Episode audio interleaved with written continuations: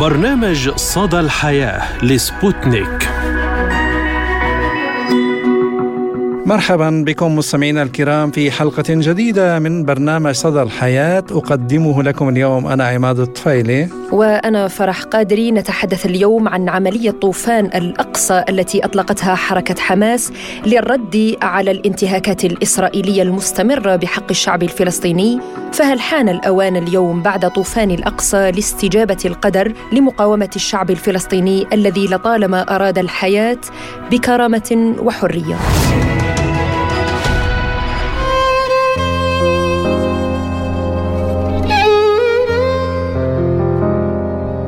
فلسطين العزة والكرامة وغزة المقاومة والشهامة والشموخ. فلسطين الرجال الأحرار الأبطال الذين صدقوا الله ما عاهدوا عليه والنساء المقاومات المضحيات. فلسطين تلك الأرض الطاهرة أرض التاريخ أرض الأنبياء والقدس الأقصى الشريف. فلسطين تبقى عربية أبية بلاد الشهداء الأبرار الأحرار الذين قتلوا في سبيل الله أحياء عند ربهم يرزقون. اسمي فلسطين مخلوقة من طين لكن حجارتي من سجيل. لن أروي لك قصتي فروايتي هي التاريخ. أنا فلسطين أنا الحرب والسلاح والسلام والحجارة. أنا الآتية من ماض أليم وحاضر لئيم. أنا فلسطين الحرب العقيمة. نرميهم بحجارة يهابون رياحها ويرموننا بغاز مسيل للدموع. نسوا أن دموعنا لا تسيل إلا فخرا بشهدائنا وعزا بتاريخنا وفرحا موعودين بنصر قريب. على مر تاريخ استقلال الدول والشعوب التي استعمرت واضطهدت كان لابد من تضحيات ومقاومة واستمرار ورغبة شعبية بالانتصار وتحرير الأرض واسترجاعها. فإذا الشعب يوما أراد الحياة فلا بد أن يستجيب القدر ولا بد لليل أن ينجلي ولا بد للقيد أن ينكسر. فهي علم فلسطين في علا السماء. ارتفع رغم كيد الحاقدين والأعداء. ارتفع ولو بالقوة ارتفع ولو بالدماء. وأنتم يا أبناء شعب فلسطين الأوفياء. حيوا رمزكم ورمز عزكم بكل فخر وكبرياء. تحيا فلسطين عربية حرة تحيا المجد والخلوق لشهدائنا الأبرار. القدس نرويها بالدماء فلسطين لنا لنا لنا. وبآلاف الصواريخ وأمواج من المقاتلين المتدفقين نحو غلاف قطاع غزة بدأت كتائب القسام عملية طوفان الأقصى في اندفاع مفاجئ وغير مسبوق عبر البر والبحر والجو.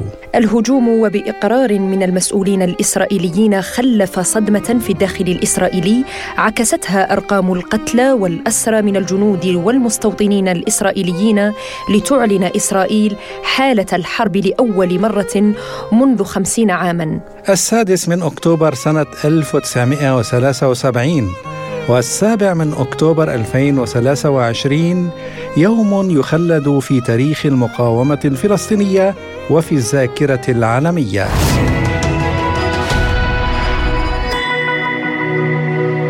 أعلنت وزارة الصحة في قطاع غزة في آخر تحديث لأرقام ضحايا الغارات الإسرائيلية على القطاع أن عدد القتلى ارتفع إلى 313 شخصا بينهم 20 طفلا فيما بلغ عدد المصابين 1990 شخصا.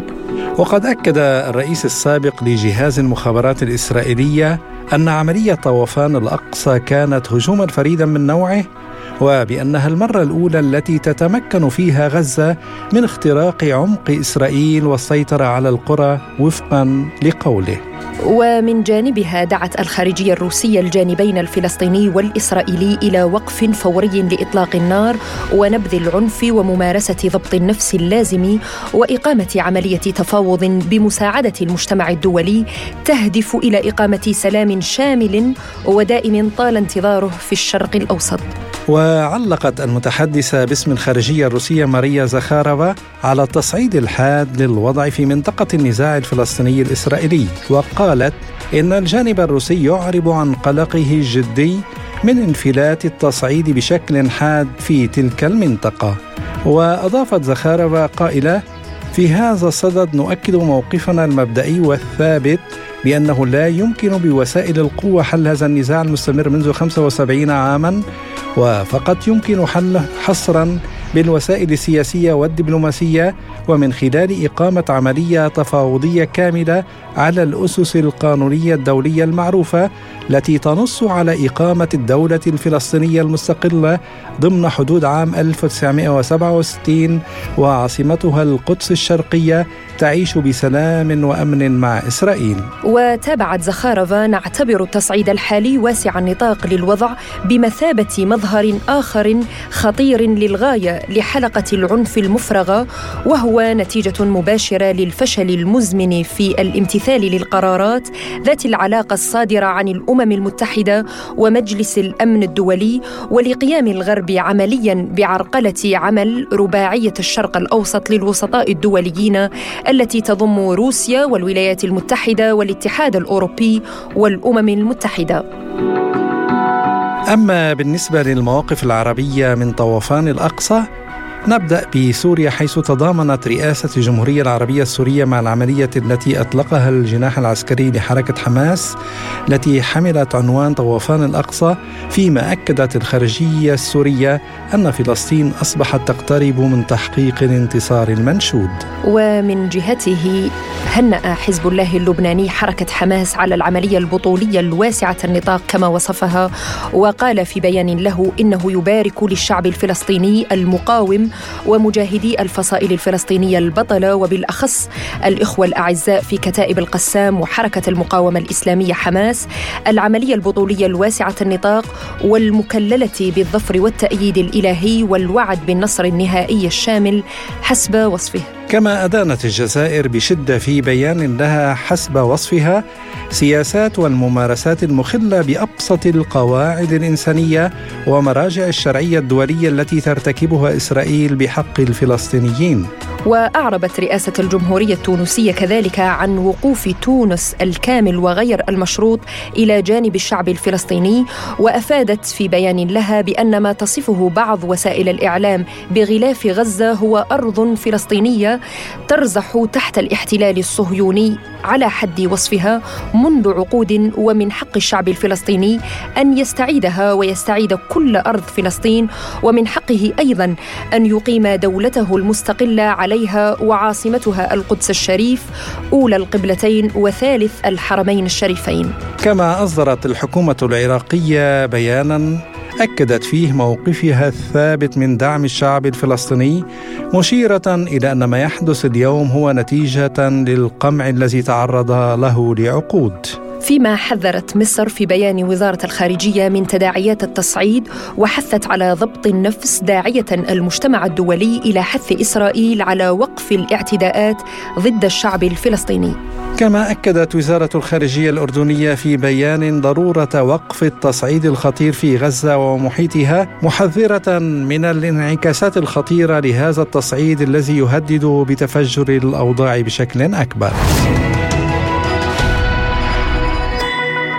وللتعليق على هذا الموضوع إليكم ما يقوله لبرنامجنا نائب رئيس المجلس الوطني الفلسطيني وعضو المكتب السياسي للجبهة الديمقراطية لتحرير فلسطين علي فيصل. ما جرى في قطاع غزة هو ملحمة بطولية وأسطورة مقاومة للشعب الفلسطيني في مواجهة سياسة الإرهاب الفاشي الإسرائيلي على يد مثلث الإرهاب نتنياهو سموتريتش وبن غفير الذي يستهدف توسيع دائرة الاستيطان وتهويد مدينة القدس استباحة الأماكن المقدسة الإسلامية والمسيحية والإزدراء بالشعب الفلسطيني وارتكاب المجازر والمحارق بحقه ومحاولة لتصفية إرادة وقوى المقاومة في الضفة الفلسطينية. فالأمر الذي افترض أن يكون هناك ردا واسع النطاق للمقاومة بكل أجنحتها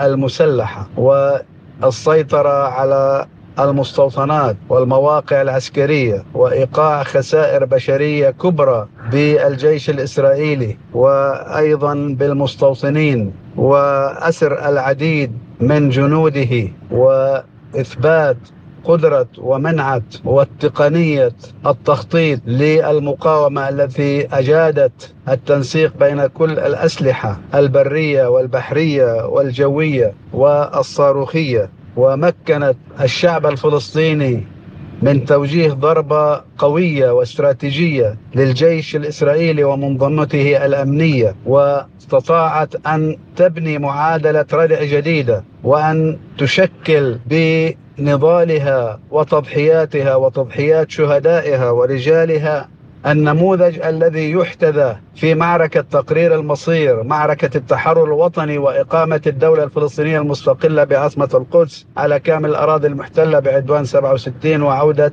اللاجئين إلى ديارهم. هو هذا الخيار الاستراتيجي للشعب الفلسطيني خيار المقاومة الطريق الأقصر لتحقيق الأهداف وإنهاء الاحتلال والاستيطان وإسقاط مشروع إسرائيل الكبرى ومخطط الضم الذي يسعى لضم معظم الضفة الفلسطينية بما فيها القدس وتأبيد الحكم الذاتي الإداري للشعب الفلسطيني في محاولة لمحو فلسطين عن الخارطة السياسية ومحو الشعب الفلسطيني وهويته الوطنية والتنكر لكامل حقوقه.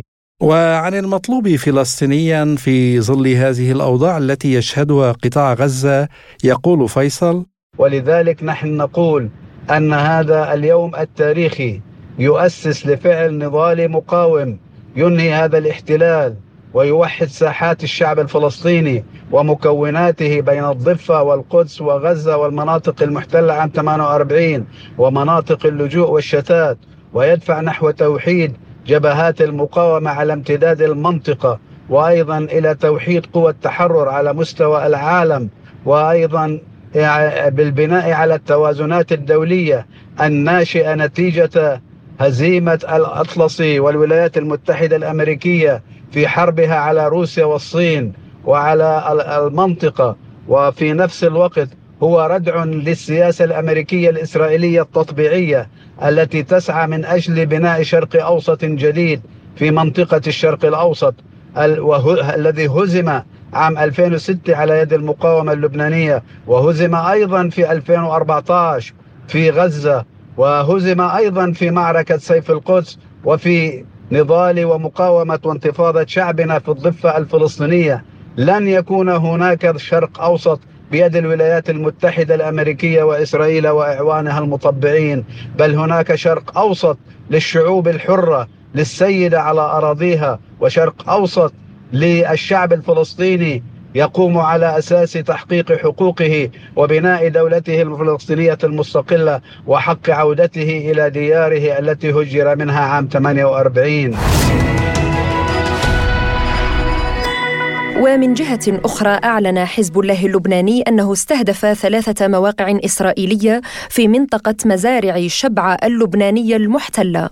وتعليقا على هذه الأحداث قال الخبير العسكري العميد الدكتور أمين حطيت لبرنامجنا عن الرسائل التي أراد حزب الله إرسالها عبر هذا القصف للمواقع الإسرائيلية. واضح أن الرسالة التي يريد حزب الله إرسالها هو التأكيد على آه، وحدة الساحات. فمضمون وحدة الساحات أو مفهوم وحدة الساحات ينطوي على مفهومين.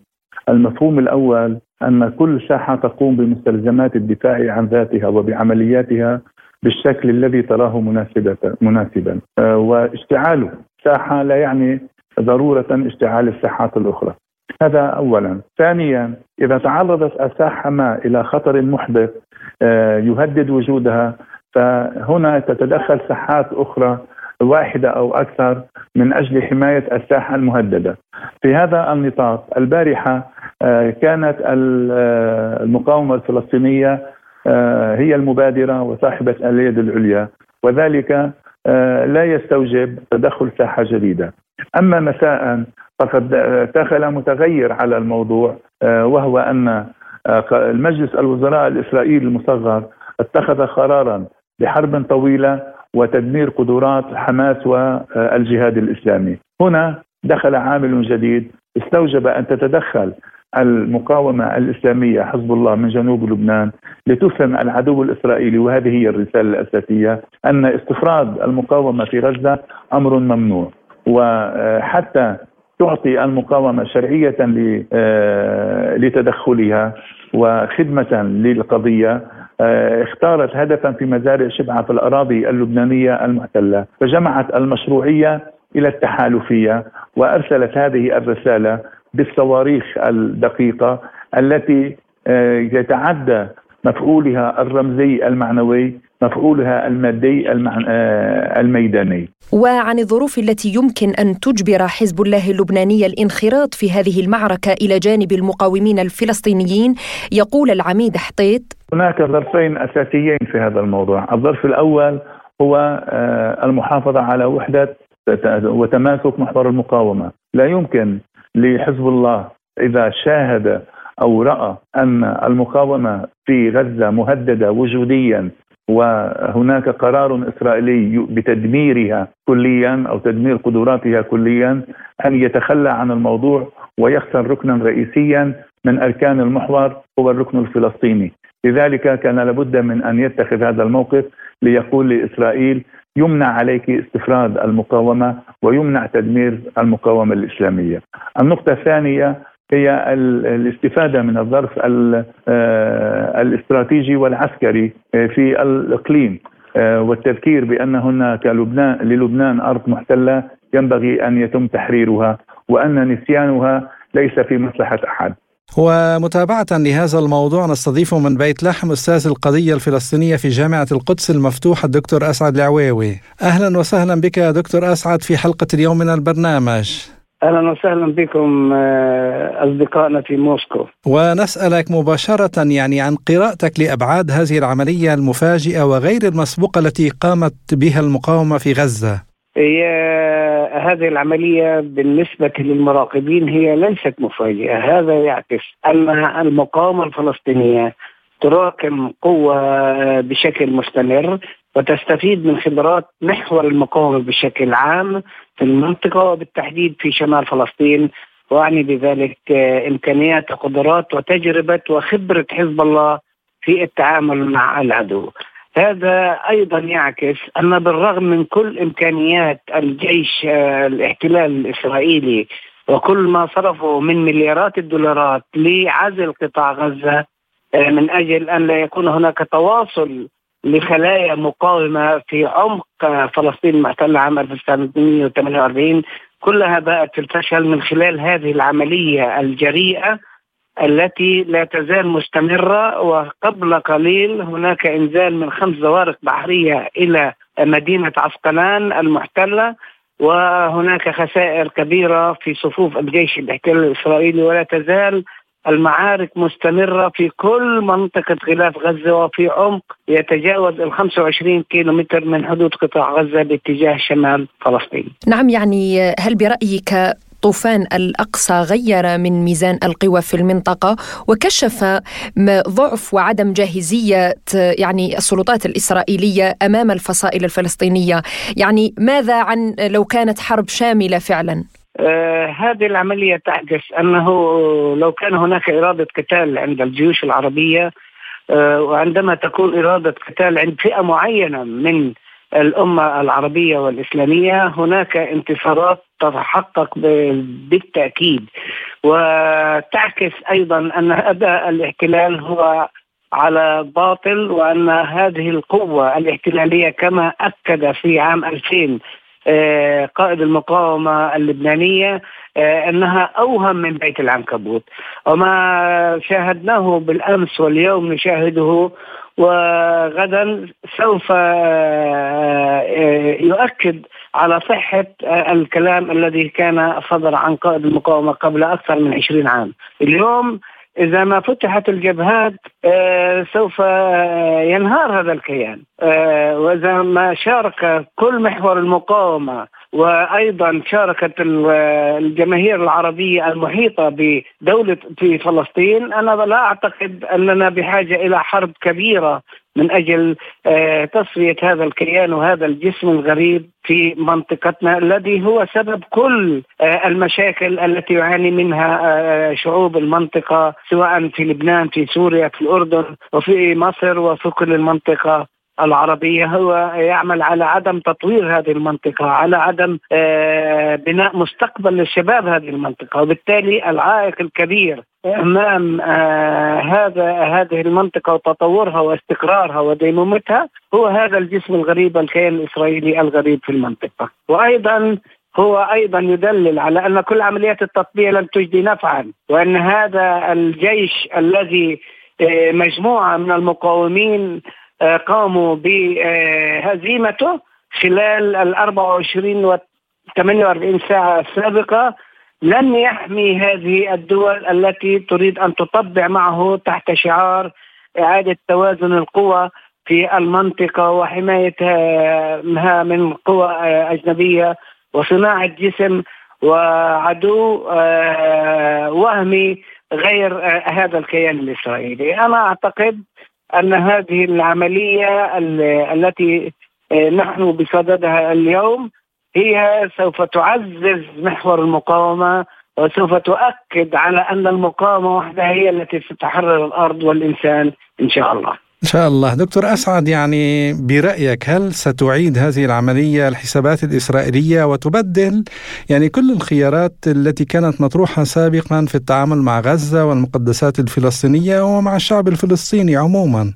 آه، أنا أعتقد أن القياده القيادة اليمينية الفاشية الإسرائيلية مغيبه العقل وتعيش حالة نكران للواقع الجديد التي أوجدته حالة المقاومة آه، الفلسطينية والمحور المقاومة في الإقليم. هذه قيادة غبية يحاول الأمريكان والغرب أن ينقذوا هذه القيادة من نفسها من أجل أن تتراجع عن بعض القضايا إلا أنها هي مستمرة في آه، سلفها واستعلائها والنظرة بدونية إلى الآخرين وهي تعتقد أنها آه، هي القوة الأكبر والقوة النووية في المنطقة.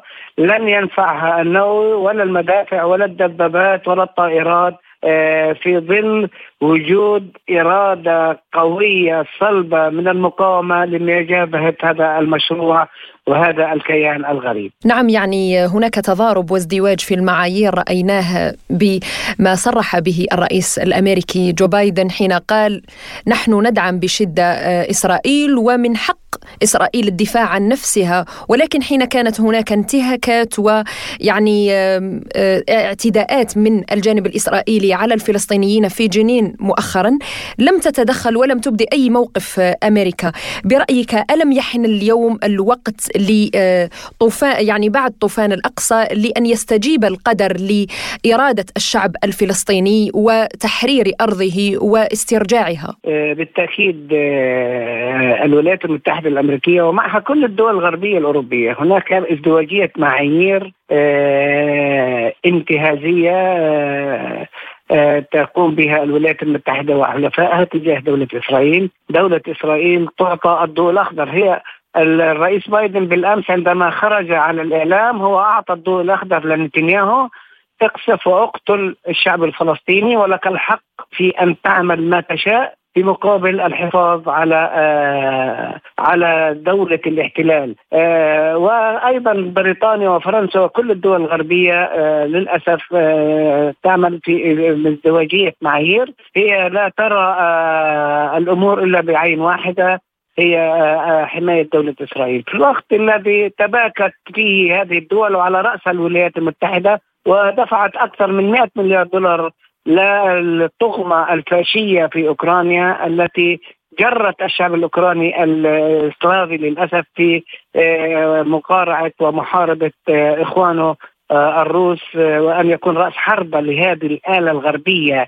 الاستعلائية التي تريد أن تسيطر العالم آه، وأن تكون وقود لهذه القوى الغربية. أنا أعتقد أن الولايات المتحدة الأمريكية ستفشل وفي النهاية ستستجدي آه، من خلال تطور هذه المعارك وإذا ما فتحت معارك أخرى وجبهة شمال لبنان.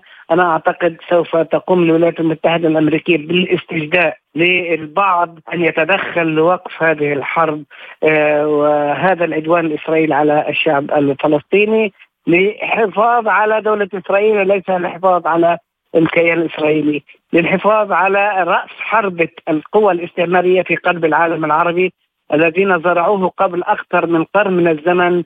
لكي يكون عائق وسد منيع أمام تطور هذه الأمة ولكي يسلبوا مدخرات وإمكانيات وقدرات هذه الأمة. في في منطقتنا لكي نبقى تابعين إلى الأبد إلى الولايات المتحدة وبريطانيا والدول الغربية الأخرى. نعم دكتور أسعد يعني حضرتك أشرت إلى مسألة المقاومة في لبنان، يعني ما هي دلالات تفاعل حزب الله اللبناني مع هذه العملية بإطلاقه اليوم القذائف الصاروخية على ثلاثة مواقع إسرائيلية؟ أنا أقرأ الأمور من زاوية أخرى. هناك تنسيق على مدار الفترة السابقة والشهور والسنوات السابقة ما بين محور المقاومة. وأنا أعتقد أن اللقاء الذي حصل ما بين قيادة حماس والجهاد الإسلامي و الامين العام لحزب الله هي رسالة أن هذا المحور هو محور في تناغم وفي تناسق وفي تنسيق عالي جدا. وهناك غرفة عمليات واحدة وبالتالي أي تطور لهذه المعارك آه، حجم التدخل من قبل حزب الله آه، ممكن آه، نتيجة لتقديرات محور المقاومة بشكل عام. هناك تنسيق وتناغم ما حدث اليوم في منطقة مزارع شبعة وكفار شوبة وقصف المواقع العسكرية الإسرائيلية وردة فعل الإسرائيليين لقصف الخيمة وإعادة بناء الخيمة في جنوب في مزارع شبعة. هذا يدلل على أن محور المقاومة هو محور متماسك متناغم آه، بالضرورة آه، ممكن أن يكون هناك تدخل حسب آه، تطور الأمور على أرض الواقع في المعركة. تطور الأمور على أرض الواقع المعركة هو لصالح لغاية الآن هو لصالح المقاومة. وإذا ما تدهورت الأمور أكثر من الممكن أن يتدخل حزب الله في هذه المعركة. نعم يعني من من جهتها الرئاسة السورية كانت قد أصدرت بيانا بعد طوفان الأقصى واعتبرت أن النصر اقترب، برأيك هل هذا الغليان الشعبي الفلسطيني اليوم سيثمر فعلا وسنرى نصرا قريبا لفلسطين وللشعب الفلسطيني؟ بالتأكيد أنا كمراقب وكفلسطيني و كأي إنسان آه، عربي حر آه، جزائري أو مصري اليوم ردة فعل الشرطي المصري على السواح نعم. هذا يعكس على أن حالة الغليان هي في كل الشارع العربي وليس عند الفلسطيني لوحده المظاهرات التي خرجت من العاصمة الأردنية ومن كل المدن باتجاه الحدود الفلسطينية الأردنية هذا يعكس الحالة ما قامت به المقاومة الفلسطينية من جنوب لبنان باتجاه المواقع الاحتلال الإسرائيلي في شمال فلسطين هذا يعكس كل الحاله، هذا يؤكد على أن القضية الفلسطينية ستبقى القضية المركزية لكل شعوب الأمة العربية والإسلامية وبالتالي آه، قوة المقاومة تتعاظم يوم عن بعد يوم. وهذا يؤكد ما حصل بالأمس أن المقاومة هي على بعد 70 كيلومتر من القدس المحتلة. غدا سوف تكون على أقرب وأقرب إلى أن يدخل كل قوى التحرر العربي والفلسطيني رأس حربتهم على القدس فاتحين. في هذا وقت أنا بعتقد إنه ليس ببعيد بحكم أننا رأينا بأم أعيننا حالة الانهيار التي يعيشها الجيش الذي كان يرفع شعار أنه جيش لا يقهر، هو يقهر وقهر في عقر آه، معسكراته وظل إذلال كبير جدا ومئات الأسرى أنا بعتقد أصبحوا في حوزة من هذا الجيش آه، في حوزة المقاومة آه، في في غزة. وحتى الآن هناك قتال شرس وعنيف وهناك إسناد وهناك أيضا تسلل لعناصر المقاومة باتجاه كل النقاط المتاخمه لغلاف غزة وحتى عسقلان آه، وأيضا هناك خسائر كبيرة في صفوف العدو. نعم يعني وتعليقات كثيرة كانت متبعة بأن ما أخذ بالقوة لا يسترد إلا بالقوة لا سيما في سبيل تحرير الأرض والوطن. نشكرك أستاذ القضية الفلسطينية في جامعة القدس المفتوحة الدكتور أسعد العويوي. كنت معنا من بيت لحم. شكرا جزيلا دكتور أسعد. شكرا حبيبي شكرا. وبهذا نصل وإياكم مستمعينا الكرام إلى ختام حلقة اليوم من برنامج صدى الحياة. قدمناه لكم من استديوهاتنا في موسكو أنا فرح قادري. وأنا عماد الطفيلي وشكرا لاصغائكم وإلى اللقاء. إلى اللقاء.